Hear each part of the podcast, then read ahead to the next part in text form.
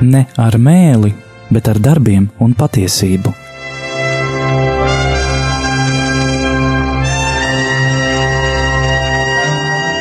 Atvērsim svētos rakstus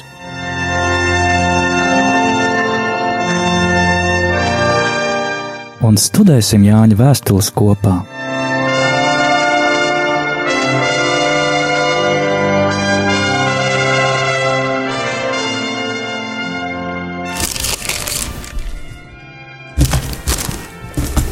Slavēts Jēzus Kristus, studijā Stela. Mūžīgi mūžos slavēts un Anģela.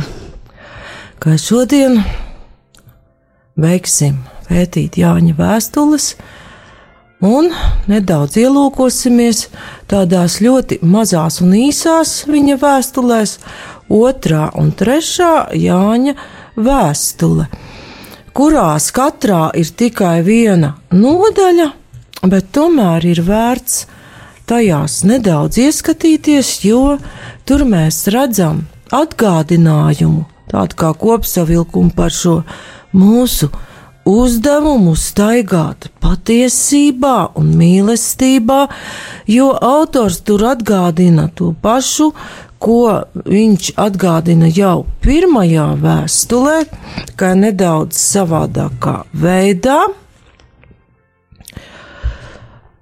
Un tur mēs redzam arī tādus dažus draudzes locekļu, tā teikt, veidus, jeb grupas, kādas pastāv līdz pat mūsu dienām, jo svētie raksti, kā spogulī mums parāda arī mūsu pašus un visas tās, ja tā var teikt, indeves, kuras mums, kā cilvēkiem, kaut arī esam Kristus mistiskajā miesā, tomēr piemīt un laikam jau piemitīs līdz laiku beigām.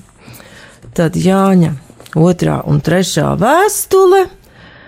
Domājams, ka sarakstītas Efezā ap 97. un 99. gadu, un Domājams, ka arī autors ir tas pats, kas pirmajai Jāņa vēstulē, Jāņa evaņģēlijam, tad Jēzus mīļotais māceklis, uz to norāda arī liela teksta līdzība, kaut gan ir bijuši tādi uzskati, ka varētu būt cits autors, bet tomēr Eksiģēti pārsvarā ir vienojušies, ka nav cits autors, un šīs vēstules apjomā nelielās, kā apstuļu vēstules, atzīst arī Muratorija kanons, uz tām atsaucies kā autentiskām arī Aleksandrijas Kliments, Aleksandrijas Dionīsijas un Origēns, un tās iekļautas ir svēto rakstu kanonā 4. gadsimtā. Otrā Jāņa vēstule. Un arī trešajā Jāņa vēstulē, ko mēs redzam, ir cita forma. Tās tiešām ir kā klasiskas vēstules, ir uzruna. Pats rakstītājs stādās priekšā, kas viņš tāds ir. Es, presbiteris, tas ir gan otrā, gan trešajā Jāņa vēstulē. Tā tad tas ir draudzes vecais. Tur ir kā mēs krieviski varam lasīt. Кревиски, я. Старец, избранной госпожи и детям ее, которых я люблю поистине. Не только я, но и все познавшие истину. ļoti labi, ka Anģela šoreiz mums nolasa to krievu valodā, jo atkal ir šīs tulkojuma īpatnības. Ar presbiteru mēs saprotam šo priesteri, draudzes vadītāju. Starets tas jau nozīmē, ka tas ir jau cienījams, autoritātīvs draudzes vadītājs, viņš tiek cienīts, respektēts un gan pēc datējuma, gan pēc šī Nosaukumam saprotam, ka arī jau ļoti cienījamos gados tā tad ar lielu dzīves un arī garīgās dzīves pieredzi. Tad otrā vēstule ir adresēta, var teikt, sievietei, Un trešā ir adresēta uh, vīrietim kādam gājam. Šī sieviete te nav nosaukta, vārds nav minēts, Un te uzreiz mēs redzam šo uzrunas starpību. Latviski izredzētā nama māte, bet krieviski ir jau citādi. Izpratnē, kas pažā. Jā, izredzētā kundze. Tā tad jau ir par šo sievieti pateikts kaut kas vairāk. Un, piemēram, Afanasijas lielais ieskatīja ka šis grieķu vārds kirja nozīmē kādu mazāzies diakonisi, kādu jaunatgrieztu kristieti, kuru Jānis pats ir vedis pie šīs eh, ticības. Ir arī tāds skaidrojums, ka varam saprast tur kādas draudzes vai pat baznīcas simbolu. Bībeles pētnieks Lapuhins to pat pilnīgi noliedz, bet ņemot vērā, kā pat Kristus caur Jāņa vēstījumu apakalipsē uzrunā draudzes, mēs tomēr nevaram izslēgt, ka šo uzrunu sievietei, šai cienījamai, disciltīgai kundzei, var saprast arī kā uzrunu kādai draudzēji, kura tiek cienīta un mīlēta, un kuras piederušie, eh, pie kuras piederošie ir atzinuši patiesību un staigā patiesībā. Tā tad izredzētā sieviete kuru grazno kristīgi tikumi, un kundze norāda, ja mēs tomēr pieņemam, ka tā ir kāda privātpersona, ka šī sieviete ir dišciltīgas izcelsmes. Un vēl varam pieņemt, ja paliekam pie šīs versijas, ka tā ir kāda privātpersona, ka tā ir atraitne, jo tur nekur vīrs nav minēts, ir Beigās runāt arī izredzētās māsas bērni, tavi bērni, ja viņas bērni, kas dzīvo patiesībā. Bet, kā jau minēju, tomēr nevaram noraidīt, ka šis vēstījums sievietei vienlaicīgi ir arī vēstījums draudzē un pat visai baznīcai, un tur varam saprast paralēli ar Lūkas evaņģēliju, kā cienījamo teofīlu arī it kā rakstīts kādam cilvēkam, tās lietas, ko esmu redzējis, ir uzrakstījis, bet šis vārds it kā ir privātpersonas vārds, bet tomēr mēs viņu saprotam pēc uh, tulkojuma. Dieva mīlētais, ka tas vienlaicīgi ir adresēts visiem cilvēkiem, kurus Dievs mīl. Tad ko mēs vēl varam atrast šajos dažos teikumos? Jau uzrunā ir ietverta uzslava. Tā ir izredzētā kundze, kuru šis draudzes vadītājs patiesi mīl, un kā tad mēs varam saskatīt uzslavu? Viņš raksta ne tikai es, bet bet arī visi, kas atzinuši patiesību, atzinuši patiesību tās patiesības dēļ, kas mīt mūsos un būs ar mums mūžīgi. Tā tad te vienā teikumā autors ir izgājis cauri visam, kas ir saistīts ar šo patiesības atziņu, pat visam ticības ceļam atzinuši patiesību. Tātad, ko ir atzinuši šie cilvēki? Nu, cilvēki atzīst Jēzu Kristu Jā. kā patiesību. Un tā patiesība mīt mūsos. Un kā tad tas tā varētu būt, to vēl labāk ir izteicis, kā patiesība mīt mūsos. To ir ļoti labi paskaidrojis apustulis Pāvils, vēstule galotiešiem 2.20. Tā tad Ne es dzīvoju, bet Kristus dzīvo manī, jo šoreiz citāts nav precīzs, jo es to atstāstu pēc atmiņas, šoreiz neatšķīru tieši vēstuli galatiešiem. Un tad varam izdarīt secinājumu, tātad, kas tad dzīvo šajā sievietē vai šajā draudzē?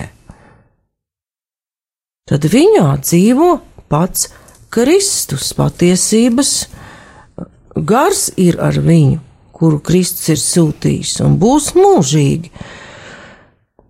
Tātad, kā tad tas varētu būt mūžīgi? Mīlestības bauslī, kuru Jēzus dod, kas tad tur jau ir iesākts? Mīlestības bauslī iesākas debesu valstība. Un debesu valstība tomēr jau pastāvēs mūžīgi, kā mēs ceram. Un trešajā pantā autors ir pateicis, ko tad dod šī Kristus iemājošana, šī patiesības iemājošana. Dod žēlastību, apžēlošanu un mieru. Jeb krievu valodā blagadaits, milests i mir.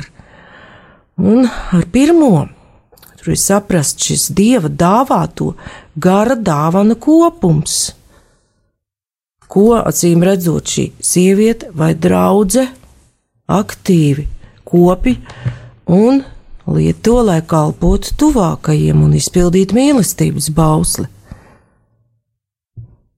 Mīlestības parāda šo dieva mīlestību pret nevarīgu cilvēku, un dievs šo mīlestību parāda caur tiem, kas lieto viņa dāvans, lai kalpotu tuvākajiem un miers. Tas ir loģiski saprotams un klātesošs, ja cilvēkā mājo Kristus, un viņš pats Jāņa evanģēlijā jau parāda to, ka tas ir pilnīgi savādāks miers. Jāņa evanģēlijas 14. nodaļa.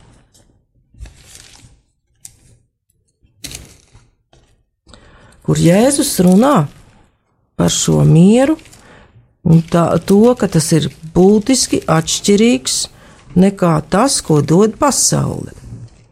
Tad izlasām Jāņa Evangelijas 14. nodaļa, 26, 27.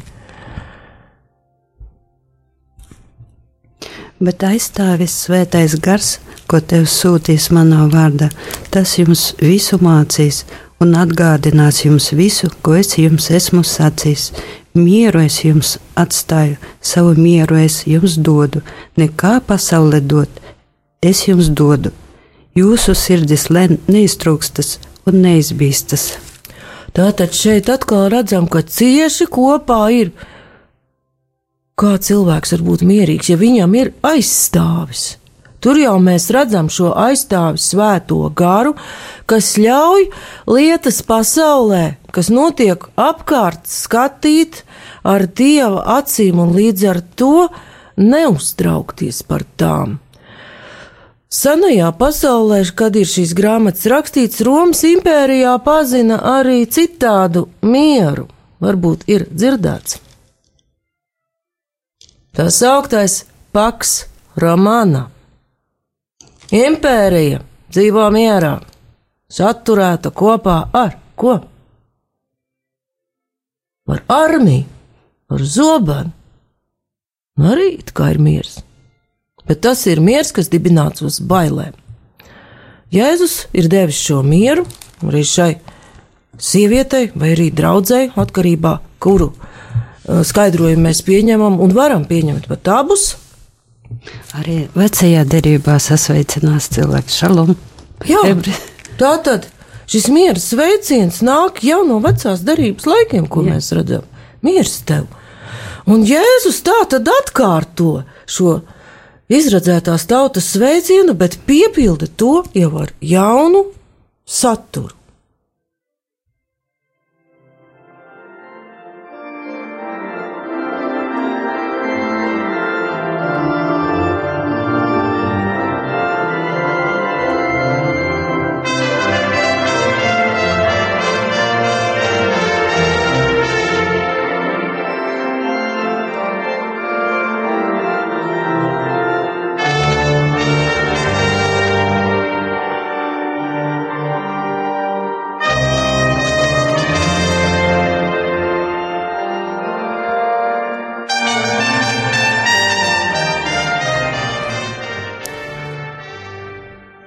Tālāk jau Jānis raksta savu vēstījumu šai draudzēji vai arī privātpersonai. Viņš ir priecīgs atrast starp taviem bērniem tādus, kas dzīvo patiesībā pēc pavēles, ko no tēva esam saņēmuši. Un tieši šī vēstījuma nianse starp taviem bērniem atradis tādus, tad nu vai nu Ja tā ir tiešām privāta persona ar ģimeni, tad tai jābūt ļoti lielai ģimenei, ka drīzāk varam saprast, ka tiešām ir runa par draugu, starp kuras locekļiem vairākums ir tādu, kas dzīvo pēc šīs pavēles, kas no tēva ir saņemta. Un atkal mēs varam pievērsties tulkojumam Krievu valodā dzīvo patiesībā, bet kā tad ir ceturtais pants Krievu tulkojumā? Tur ir atšķirība. Jā. Я весьма обрадовался, что нашел из детей твоих, ходящих в истине, как мы получили заповедь от Отца. Un, jā, un tad Jāņa evangēlijā mēs arī varam izlasīt, ka Jēzus Kristus dod mums patiesības garu, patiesības garu, ko pasaule nevar dabūt, tāpēc, ka viņa to neredz un to nepazīst, bet jūs to pazīstat, jo viņš pastāvīgi ir pie jums un mājo jūsos.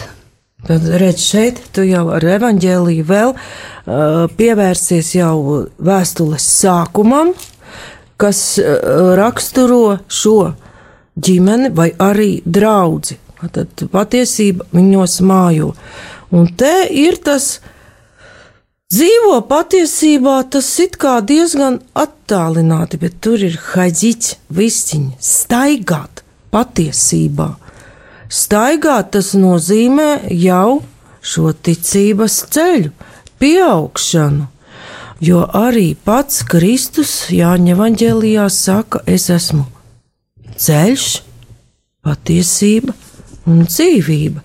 Un šis vārds staigāt tomēr norāda uz šo patiesības darīšanu kā ceļu. Tā tad šie mīlestībā darītie darbi, kas atklāja Dievu kā mīlestību citiem, parāda šo Dievu pasaulē, ir ceļš, kurā cilvēks pats pieaug mīlestībā uz tuvāko, uz Dievu un nonāk arvien tuvāk Dievam. Pat ja viņš to pārāk labi neapzinās un varbūt pat nejūt. Tālāk jau autors atgādina to, ko ir teicis jau iepriekš. Tagad es tevi lūdzu, cienītā ne jaunu bausli tev rakstīdams, bet to, kas mums bija no sākuma, lai citu, citu mīlam. Un šī ir tā mīlestība, kā mēs dzīvojam pēc viņa baušļiem. Tā tad ļoti tuvs teksts pirmajā Jāņa vēstulē minētajam, ko mēs jau esam apskatījuši. Un vēl otrajā Jāņa vēstulē norādīts, kas jau ļauj saprast, ka tas nāk no Vecās derības šis ir tas bauslis, kā jūs esat dzirdējuši no sākuma, lai jūs dzīvotu pēc tā. Nu, mīlestības bauslis, kā jau iepriekšējās reizēs ir teikts, viņš ir nepārāk viegli izpildāms, bet tas ir šī attieksme pret tuvāko, kā tu viņu esi ēdinājis, gājis pie viņa, rūpējies par viņu, ir tas kritērijs, pēc kura mūsu tiesās apustulis Pāvils saka, ja tas darīts bez mīlestības, tas nekam neder. Un man tomēr sāk mocīt tas jautājums par tiem garajiem zobiem. Ja cilvēks tomēr sāk darīt šos mīlestības darbus, sākumā varētu teikt, gariem zobiem, vai tas tomēr ir galīgi nederīgs. Un šīs domas tādu izvērsumu atkal kārtējo reizi man pamudināja kāds arhibīskaps Prediķis, kad viņš runāja par pravieti Jonu, kurš uz Nīnivi arī devās gaužām gariem zobiem, mēģinot izvairīties no šī dieva uzliktā pienākuma. Un kā tad ir tie mīlestības darbiem? Ja mēs to sākumā darām, tāpēc, ka Dievs tā grib un ir devis šādu bausli. Mēs sākam vingrināties šajā mīlestības tikumā, un ir būtiska nianse tur, vai mēs sākam vingrināties tāpēc, lai mēs parādītos, cik esam pareizi, svēti, labdarīgi un diženi, vai arī gribam pieaugt šajā tikumā. Un ja mēs sākam kaut vai gariem zobiem vingrināties šai mīlestības tikumā, tad tālāk Dievs pats rūpēsies par to, lai jau šis tikums un tā piekopšana mums vēlāk sagādātu prieku. Kā tas ir bijis ar Asīzes Francisku, kas sākumā viņam saskarsmē spitālīgajiem bija ļoti nepatīkama. Bet vēlāk pats Dievs jau to pārvērta par prieku. Bet es izlasīšu no Jāņa Evangelijā, jā. jā, pa mīlestības bausli.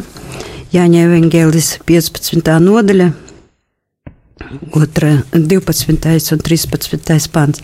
Tas ir mans bauslis, lai jūs citu citu mīlat, kā es jūs esmu mīlējis.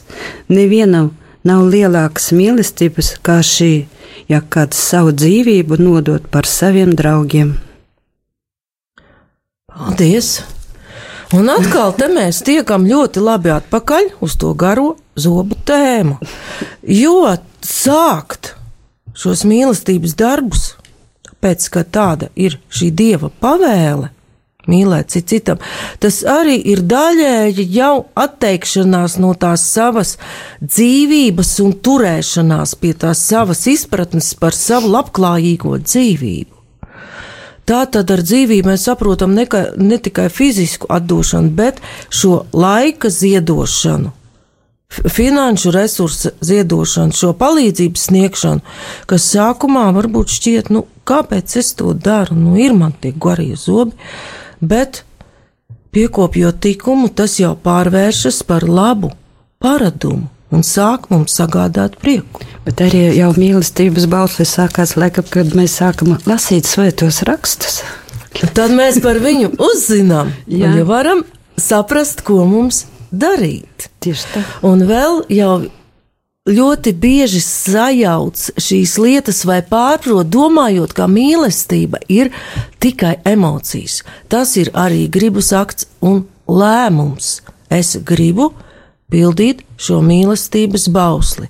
Jā, kungs, man šobrīd ir gari zobi, bet palīdz man sākt šo tikumu kopt.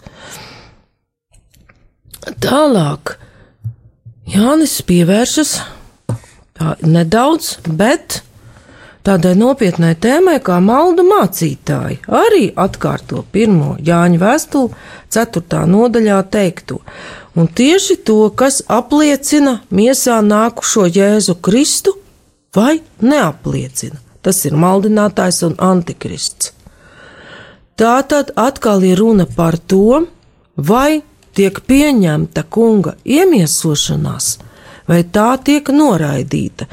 Jo tajā laikā jau bija dažādas maldu mācības, kas neatzina šo kunga iemiesošanos, dzima arī gnosticisma mācības, kas atzina, ka cilvēks pats var sasniegt pestīšanu, un tā ir pieejama kādai īpašiem cilvēkiem ar īpašām zināšanām. Un kāpēc ir neuzņemiet mājās un nesveiciniet viņu? Un kas viņu sveicina? Ņem dalību viņa ļaunajos darbos. Kāpēc desmitajā pantā ir tāda lieta, kas mums, mūsdienu cilvēku acis šķiet, nu, tāds uzaicinājums būt ļoti nepieklājīgiem? Tā laika sabiedrībā un Jāņa vēstules kontekstā tur nav paredzēta nekāda nepieklājība. Uzņemt un sveicināt ceļojošu sludinātāju nozīmēja atzīt viņa mācības autoritāti. Tātad, ja šis ceļojošais sludinātājs noliedz kunga iemiesošanos, viņš tiek uzņemts un sveicināts. Tātad cilvēks, kas viņu ir uzņēmis un sveicinājis, piekrīt tam, ka kungs nav iemiesojies. Un piekrītot šādai mācībai, jau zūd viss kristietības pamats, šī ticība, iemiesošanos noslēpumam, kunga nāvei un augšām celšanai. Un tālāk jau mēs nonākam secinājuma, ka neticot iemiesošanās noslēpumam un augšām celšanai, cilvēks jau netic arī tam, ka pats viņš reiz augšām celsies un dzīvos kopā ar kungu. Tādēļ šai tēmai Jānis pievēršas īsi, bet tomēr ļoti nopietni. Un noslēgums liecina, ka šis draudzes vadītājs vēlas ļoti daudz ko teikt šai draudzēji, vai arī šai sievietei, bet negrib to darīt uz papīra un ar tinti, bet cer nākt pie jums un runāt no mutes uz muti, lai mūsu prieks būtu pilnīgs. Tevi sveicina tavas izredzētās māsas bērni. Atkal ir kāda nenos, vārdā nenosaukta māsa un viņas bērni, izredzēta, kas atkal drīzāk liek saprast šo vēstījumu adresātu kā kādu draugu vai pat visu baznīcu. Un uzsvērta ir šī personiskā saskarsme. Ne ar papīru un tinti, jo tajā laikā vēstules ceļo ļoti ilgi, un bija liels jautājums, vai adresāts vispār tās saņems, jo ar saņemšanas problēmu mēs redzēsim trešajā Jāņa vēstulē. Tātad, tomēr runāt no mutes uz muti, prieks ir pilnīgs, ja cilvēki satiekas, un var būt kopā un runāt par dieva lietām.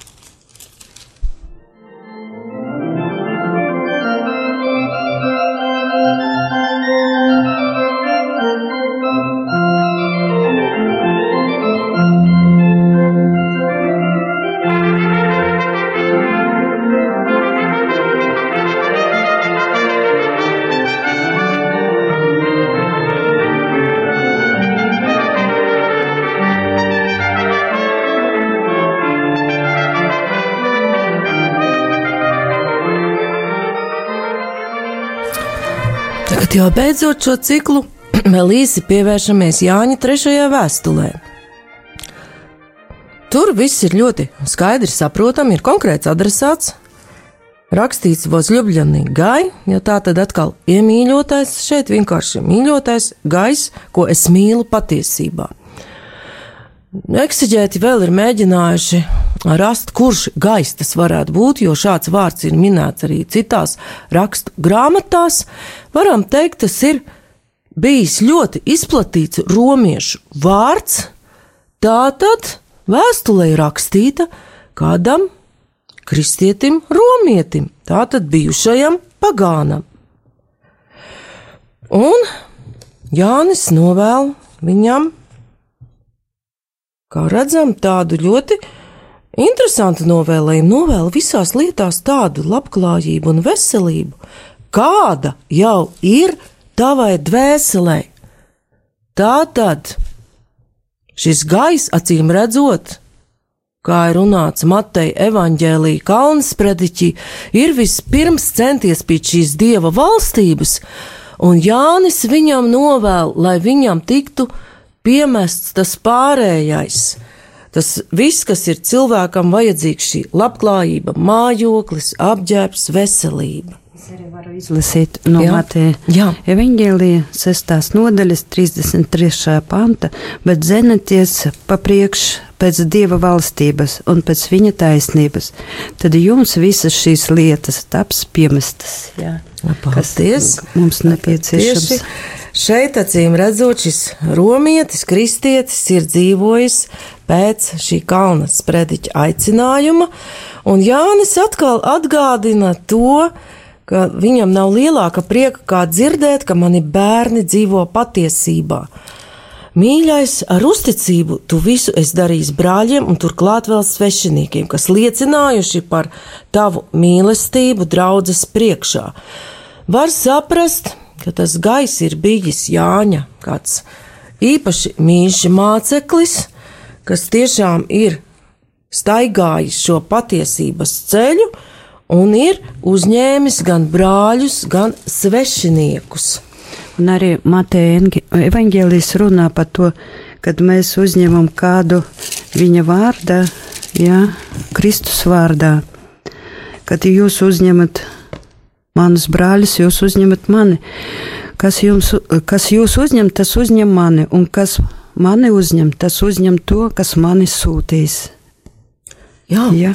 paldies. Kristus saka, Jā, šeit ir ļoti pamatīgs skaidrojums Anģelē tieši par to, ko tad šis gaiss ir darījis brāļiem, jo tajā laikā viesmīlība bija ārkārtīgi svarīga. Jo toreiz, kad cilvēks devās pie cilvēka, tas nebija kā tagad mēs iesēžamies trolejbusā vai aizējam kājām un ieskrienam uz kādu stundiņu. Dažkārt cilvēks pie cilvēka, lai satiktos, ceļoja dienām ilgi, un tad arī palika viesos ilgu laiku. Tā tad dzīvoja kopā ar to ģimeni, ar to saimi, pie kuras bija devies. Līdz ar to saprotam, ka izrādīt viesmīlību nozīmēja dalīties ar savu mitekli, ar savu ēdienu, ar visu, kas nu tev ir. un vēl tāds Mateja evaņģēlijā, jā. Tas ir 25. nodaļa raksta, es biju svešinieks, un jūs neesat mani uzņēmuši. Es biju pliks, un jūs neesat mani apģērbuši. Es biju slims un cietumā, un jūs neesat mani apmeklējuši. Tieši par to svešinieku, kuru mēs, mums, mēs esam aicināti pieņemt. Jā, un šeit arī ir Jānis runā par turklāt vēl svešiniekiem. Tas nozīmē pieņemt, ka arī cilvēkus, kas ieklīst baznīcā, draudzē, liekas, reizēm viņi traucē mūsu ierasto kārtību. Pieņemt un mēģināt saprast arī tos, kuri runā pretī īsti mums nav saprotami. Un Jānis norāda, ka uzņemot gan brāļus, gan svešiniekus, mēs kļūstam par patiesības līdzdarbiniekiem, tātad par paša Kristus, kurš ir ceļš patiesību un dzīvību līdzdarbiniekiem.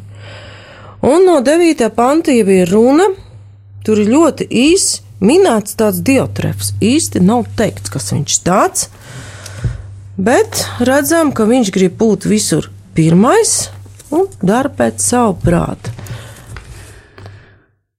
Arī tāda diezgan raksturīga lieta, kas var ātri izraisīties kristiešu draudzēs, kad kāds grib darīt tā, kā viņam labāk patīk, un noraida tos, kas viņam īsti nepatīk. Un arī nepieņem brāļus. Ja? Ne, tu šeit ir šī problēma. Jā. Un ka viņš izmanto, var saprast, ka viņš ir kāda autoritāte, kaut vai, vai viņš ir turīgs, vai tomēr ieņem kādā matdraudzē, neļauj darīt tiem, kas to grib, un izstumj tos no draudzes, tātad padzen tos no draudzes. Tātad viņam ir kaut kādas diezgan lielas iespējas, kuras viņš izmanto ļaunprātīgi. Un Mateja evaņģēlē par to ir rakstīts, un ja kas jūs negrib uzņemt, nes klausīt jūsu vārdus, iziet no tāda nama vai tādas pilsētas un nokratēt pīšļus no savām kājām. Patiesi es jums saku, Sodomas un Gomoras zemē būs vieglāk soda dienā nekā tādai pilsētai. Paldies! Tad atkal ir plašs, labs komentārs par šo vārdu. Un tālāk jau Jānis norāda, gājam, neseko ļaunajam, bet labajam, un kas dara labu, ir no dieva, kas dara ļaunu, nav dieva redzējis. Un 12. pantā ir minēts kāds cits vīrs, Demetrijs, kuram par labu liecinājuši visi, arī pati patiesība, arī mēs dodam viņam labu liecību, un tu zini, ka mūsu liecība ir patiesīga.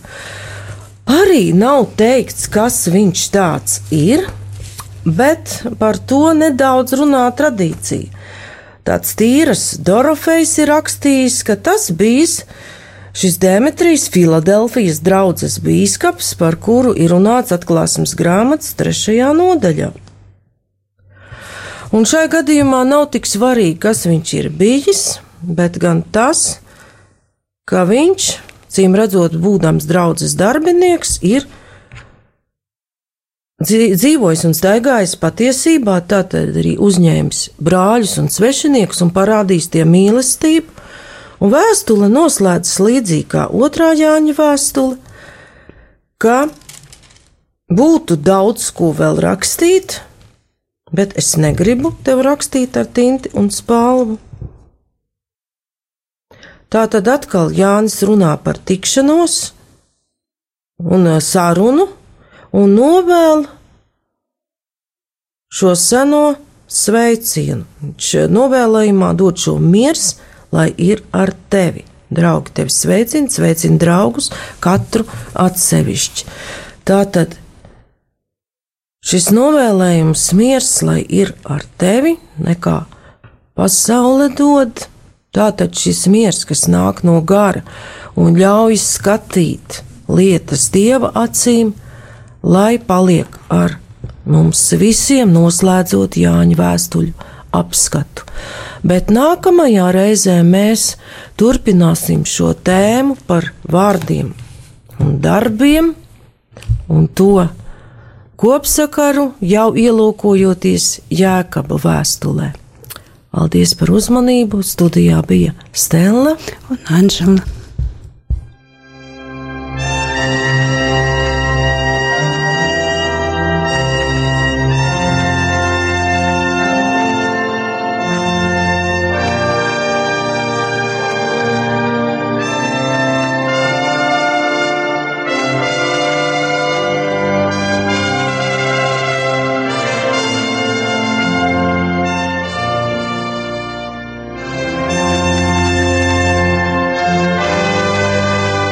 Izskanēja raidījums Ne ar mēli, bet ar darbiem un patiesību